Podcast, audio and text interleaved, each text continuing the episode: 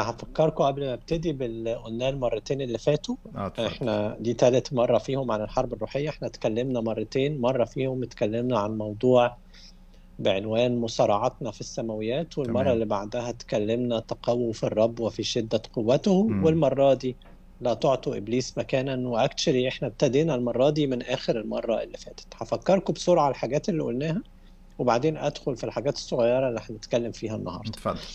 أول حاجة اتكلمنا عن مصارعتنا في السماويات واتكلمنا عن إزاي إن هناك حرب في مجال غير مرئي.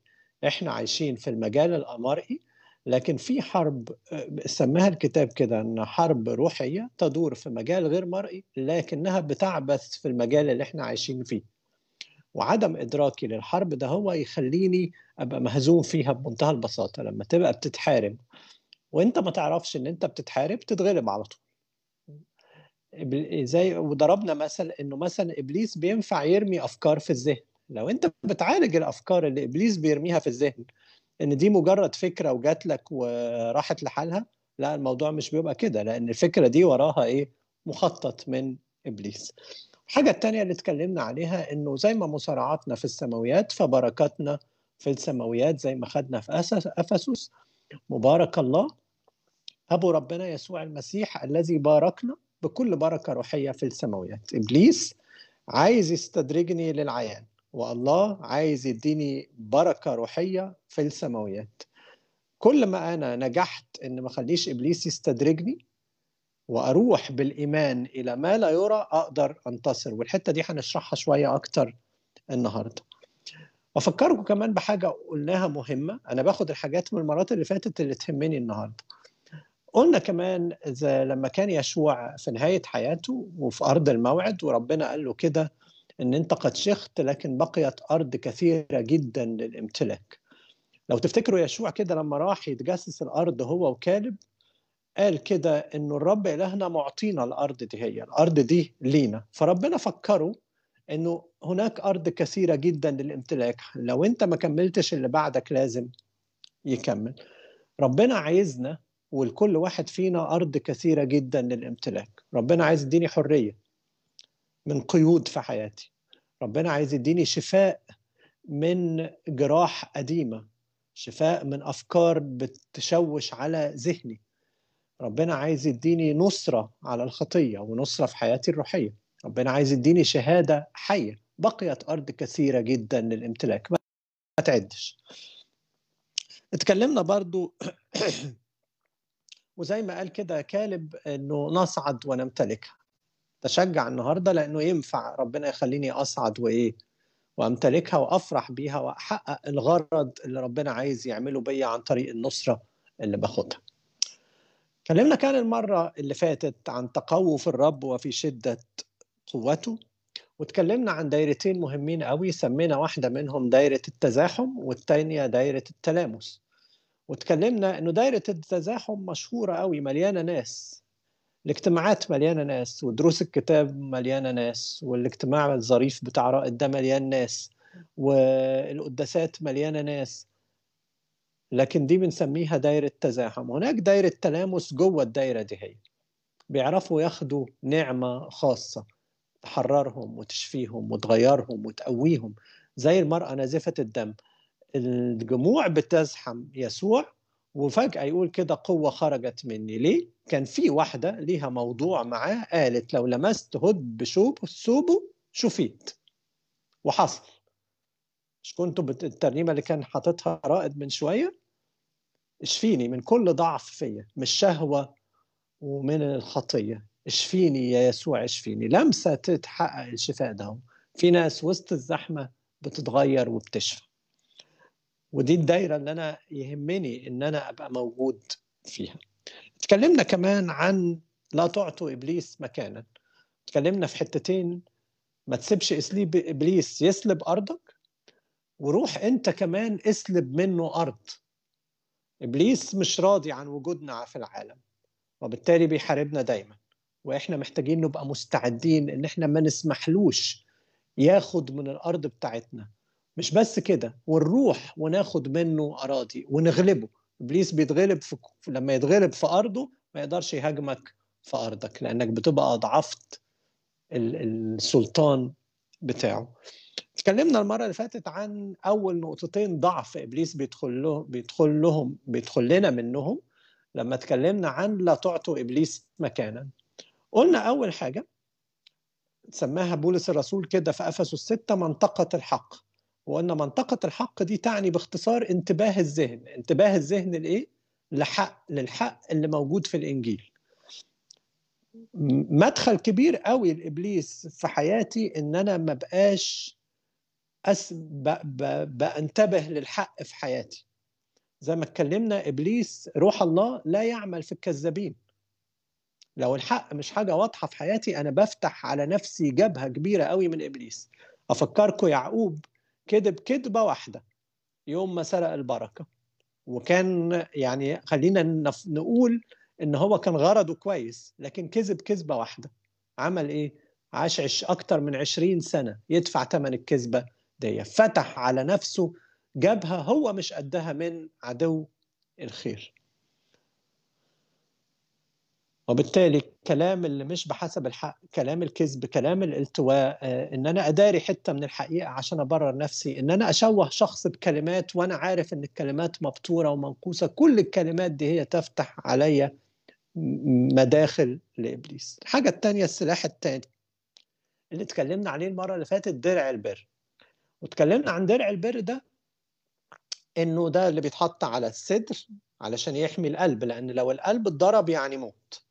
وقلنا ده البر السلوكي اللي هو إن الواحد بينتبه إنه يعيش بحسب اللي اتعلمه لأنه غير كده يبقى زيف. لو تفتكروا شجرة التين اللي ليها أوراق جميلة لكن ما فيهاش ثمر لعنها المسيح لا يتعامل مع المزيفين.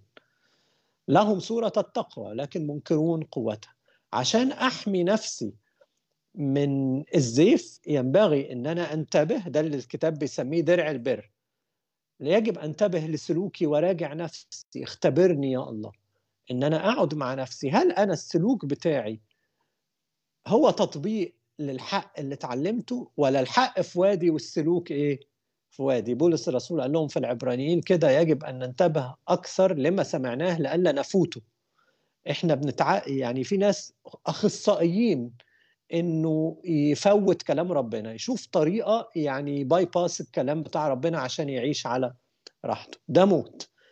البر السلوكي هو حماية من هذا الموت حماية للقلب إنه ما أقعش في الفخ ده إن أبقى عارف حاجات كتيرة ومش بعيش اللي أنا عارفه. هقرأ معاكم الشاهد بتاع أفسس عشان نكمل على المدخلين التانيين بتوع النهارده اللي بيدخل منهم إبليس. أفسس ستة من أول عدد عشرة. اللي معاه إنجيل يفتح معايا. يقول كده أخيرا يا أخوتي تقووا في الرب وفي شدة قوته. البسوا سلاح الله الكامل لكي تقدروا أن تثبتوا ضد مكايد إبليس. فإن مصارعتنا ليست مع دم ولحم بل مع الرؤساء مع السلاطين مع ولاة العالم على ظلمة هذا الدهر مع أجناد الشر الروحية في السماويات. ده أول موضوع اتكلمنا فيه مصارعتنا في السماويات. عدد 13 من أجل ذلك احملوا سلاح الله الكامل لكي تقدروا أن تقاوموا في اليوم الشرير وبعد أن تتمموا كل شيء أن تثبتوا. فأثبتوا ممنطقين أحقاءكم بالحق ولابسين درع البر. دول اللي اتكلمنا عليهم المرة اللي فاتت. وحزين أرجلكم باستعداد إنجيل السلام حاملين فوق الكل ترس الإيمان الذي به تقدرون أن تطفئوا جميع سهام الشرير الملتهبه يبقى النهارده هنتكلم عن حذاء الإنجيل حذاء إنجيل السلام زي ما قال كده هو وهنتكلم أيضا عن ترس الإيمان اللي بيه نقدر نطفي جميع سهام إبليس الملتهبة. وهتلاقي بقى في بقية النص أسلحة تانية مش هنلحق نتكلم عليها النهارده. أول حاجة نتكلم عنها حذاء الإنجيل. والكتاب كده سماه حذاء إنجيل السلام. يعني موضوع الإنجيل مرتبط بموضوع السلام مرتبط بموضوع الحذاء. الحذاء اللي بنلبسه في رجلينا إيه القيمة بتاعته؟ يحميك من وعورة الطريق. لو الأرض فيها شوك لو الأرض فيها أي حاجة يحمي لك رجلك. مش بس كده. لو الأرض ساقعة قوي زي في كندا في الشتاء يحمي لك رجلك من الساقعة. لو الأرض حر قوي زي عندنا هنا في قطر يحمي لك رجلك إنك تتلسوع. فالحذاء حماية ليك. والكتاب يقول كده حذاء إنجيل آه، حزين أرجلكم باستعداد إنجيل السلام. كن مستعد إنه يبقى الإنجيل مفهوم في حياتك علشان تلاقي السلام ده. هو ده بيسموه كده استعداد الإنجيل. مستعد إن الكلمة الله تشتغل فيا لأني فاهم الكلمة. خلي بالك لما يبقى واحد بيكلمك عشان تس يعني عشان تستفيد من كلامه لازم تفهم قصده إيه. مش أصل فلان بيقول أصل بيقول لك أصل سمعت أصل على فكرة مكتوب في الإنجيل الإنجيل اللي أنا ما قريتوش. عدم الفهم يخليني أطلع بحاجات قد تفتح عليا جبهات كتيرة قوي من إبليس تعثرني مع الله تفقدني سلامي. ما تخليش الكلمة تشتغل فيا بالسلاسة المتوقعة لأني ما فهمتهاش. أنا عمال أقول لك وانت داخل الشقة يا رائد تمسك المفتاح وتحطه في الفتحة اللي في باب الشقة وتفتح بالمفتاح. فانت ما ركزتش في كلامي هو نادر بس بيتكلم وخلاص. راح رائد عند الشقة بيقول ده قال لي إنه عبد الفتاح بيفتح الباب. وأنا ما جبتش سيرة عبد الفتاح أنا كنت بكلمك عن إيه؟ عن المفتاح. وأنت لأنك مش مركز سمعت بيقولوا ده بيقولوا الحل عند عبد الفتاح. نشوف مين عبد الفتاح في العمارة. خش في حيص بيس اللي ما بيفهمش كلمة ربنا بيبقى عامل كده. يبقى عامل زي التايه. مفيش حاجة تسنده في وقت الشدة. لأنه مش فاهم. الرسالة وصلت له اللي بيسموها كده. الخبر السار وصل له بس مش فرحان بيه. ليه؟ فهمه غلط. ما فهموش زي ما صاحبه كان بيقوله له. فهمه على مستوى عبد الفتاح. مش زي ما كان بيتقال له. لو قريت مثلا معايا حاجة من الحاجات اللي إبليس استخدمها ياما في العالم حوالينا لما تفهم كلمة الله قبل ما أدخل في الحاجة دي هي تقدر تبقى مستعد لمجاوبة كل من يسألك عن سبب الرجاء اللي فيك. ليه؟ عارف فاهم. وتقدر كمان تطفئ جميع سهام إبليس الملتهبه خلينا ناخدها في الحتة اللي جاية. لكن تقدر إنه إبليس لما يبعت لك الفكرة عندك رد من الإنجيل لأنك فاهم كلمة الله بتقول إيه. أحد الأمثلة الشهيرة قوي اللي إبليس عبس في أذهان ناس كتيرة قوي قال لك إنه في ربنا ودي فلاسفة الفيسبوك ونجوم الشباك اللي طالعين على الفيسبوك خبرة بقى في الحتة دي. هو الإنسان مخير ولا مسير؟ آه ده بيقول لك في الإنجيل إنه ربنا خلق آنية للكرامة وآنية أخرى لإيه؟ للهوان. ويجي بقى واحد خبير تاني يقول له طيب لو ربنا عامل كده which makes sense. ليه؟ لأن هو خالق الكل وله كل السلطان. وبالتالي هو عامل ناس هتهلك وناس إيه؟ هتنجو. طب معلش أنا اعمل لك الحلقة دي ليه؟ وأقعد هاتي وأوجع في قلبي ورائد يعمل حلقة وتصوير وسكايب. لما اللي هيهلك هيهلك واللي هينجو هينجو. إحنا واجعين واساسا كمان أنا في حياتي الشخصية أتوب ليه؟ ما أنا لو مصنوع انيه كرامة. كرامة. وإذا مصنوع انيه هوان هوان وخلصنا على كده. وهاد بقى إيه؟ لت في قصة بسبب إيه؟ مش فاهم الإنجيل ومش فرحان بكلمة ربنا ومش فرحان بالنعمة. تعال بص بقى لو واحد دقق في الإنجيل وفحصه شوية ده اللي بتكلم عليه استعداد إنجيل السلام. في تيموساوس الكلام ده موجود في روميا. أم ليس للخزاف سلطان على الطين أن يصنع من كتلة واحدة إناء للكرامة وآخر للهوان؟ شايف إبليس بيعمل إيه؟ يجيبها لك من الإنجيل. بس طبعا ما بيخليكش تركز في حاجة قالها في روميا هنا إنه من كتلة إيه؟ واحدة. الاثنين طالعين من حاجة واحدة. آه بس هو ربنا اللي عملهم. خد من الكتلة دي حتة شكلها غلط وحتة شكلها كويس. تعال بص في تيموساوس بيقول إيه الثانية فإن طهر أحد نفسه نفسه من هذه يكون إناء للكرامة. مقدسا نافعا للسيد مستعدا لكل عمل صالح. شايف كلمة ربنا بسيطة إزاي؟ بتكمل اللي بتقوله روميا إن طهر أحد نفسه يصير إناء إيه؟ للكرامة. لو سبت النعمة اللي ربنا أنت لك تشتغل فيك صرت أنت إناء للكرامة. خلصت على كده. فاهم ولا مش فاهم؟ طبعا فهمت. وكل المناقشات دي هي أنا في غنى عنها. المناقشات اللي بتدخلني إن أنا أشك إنه الله نفسه مش إله صالح. لما انت رب معيشني في الكوميديا الإلهية دي هي. ليه بقى وجع القلب ده كله؟ طبعا أنا أشك في صلاح الله لكن مجرد ما أسمع الكلمات وأفهم المكتوب أفرح. أنت رب صالح فعلا. أذكر كده مرة اتكلمت عن الموضوع ده في أحد الاجتماعات جالي راجل عجوز بعد الاجتماع سنه كبير يعني بس راجل وشه كان مليان نعمة. قاليش غير كلمتين؟ عمري ما هنساهم. قال له قال لي متشكر يا ابني. أخيرا أخيرا سمعتني الكلمتين اللي كنت مستنيهم من ربنا من زمان. تخيلوا؟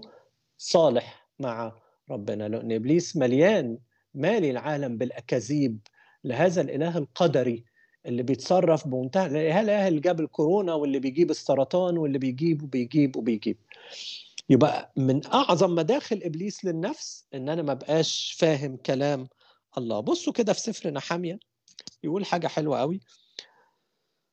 لما عزرا ونحاميه واللاويين قرأوا الكتاب للشعب بيقول إيه؟ وقرأوا في السفر في الشريعة الله ببيان وفسروا المعنى وأفهموهم القراءة فهموهم. فذهب الشعب ليأكلوا ويشربوا ويبعثوا أنصبة ويعملوا فرحا عظيما لأنهم فهموا الكلام الذي علموهم إياه. فهموا ففرحوا. فرحوا لما فهموا نص الشريعة لما فهموا ربنا عايز يقول إيه؟ فهموا القصد من المكتوب زي ما بنقول في الترنيمة كده فرحت قلبي يوم ما قابلتك.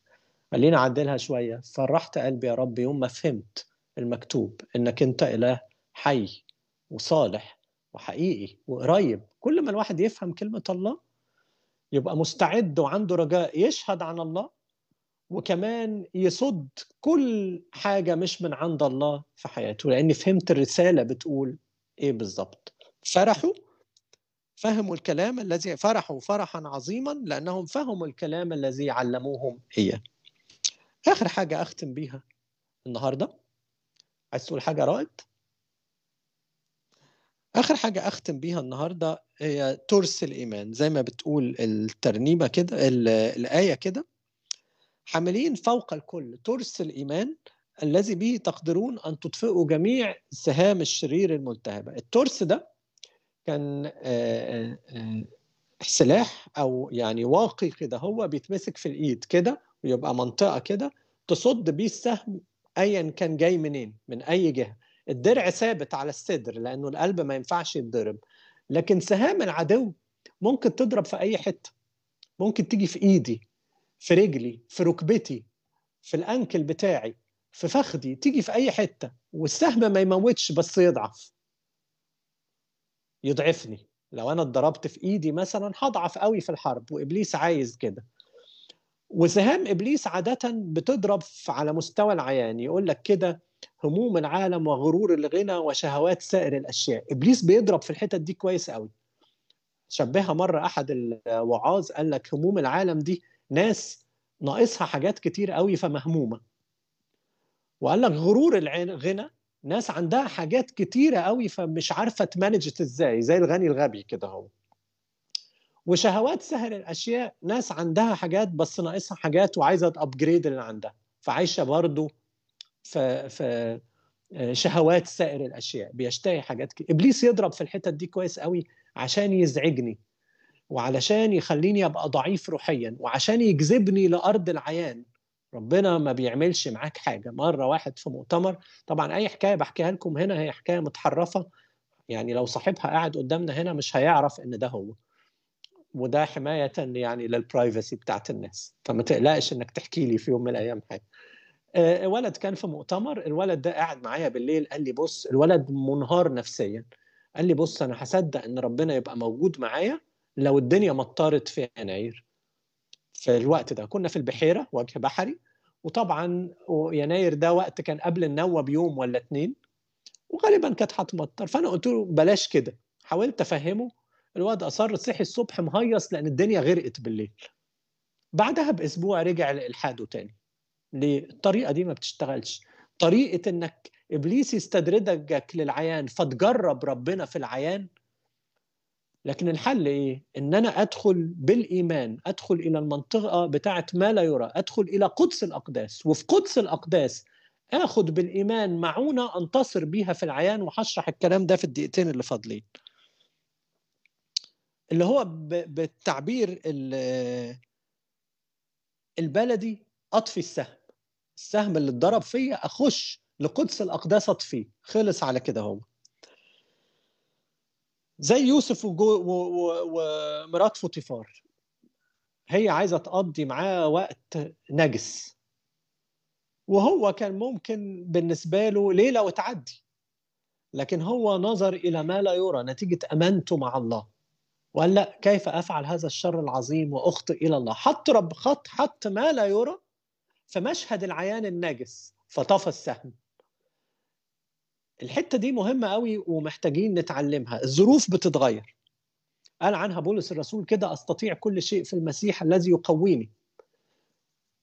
خد العيان للمسيح علشان تنتصر جوه العيان بالإيمان. الظروف بتذكر كده واحد برضه دي حكاية محرفة. كان بيشتغل شغلانة كويسة قوي يعني بمقاييس كندا كان بياخد له مثلا 200 ألف دولار في السنة. وبمقاييس مصر اليومين دول يعني بياخد له مثلا 200 250 ألف جنيه في الشهر.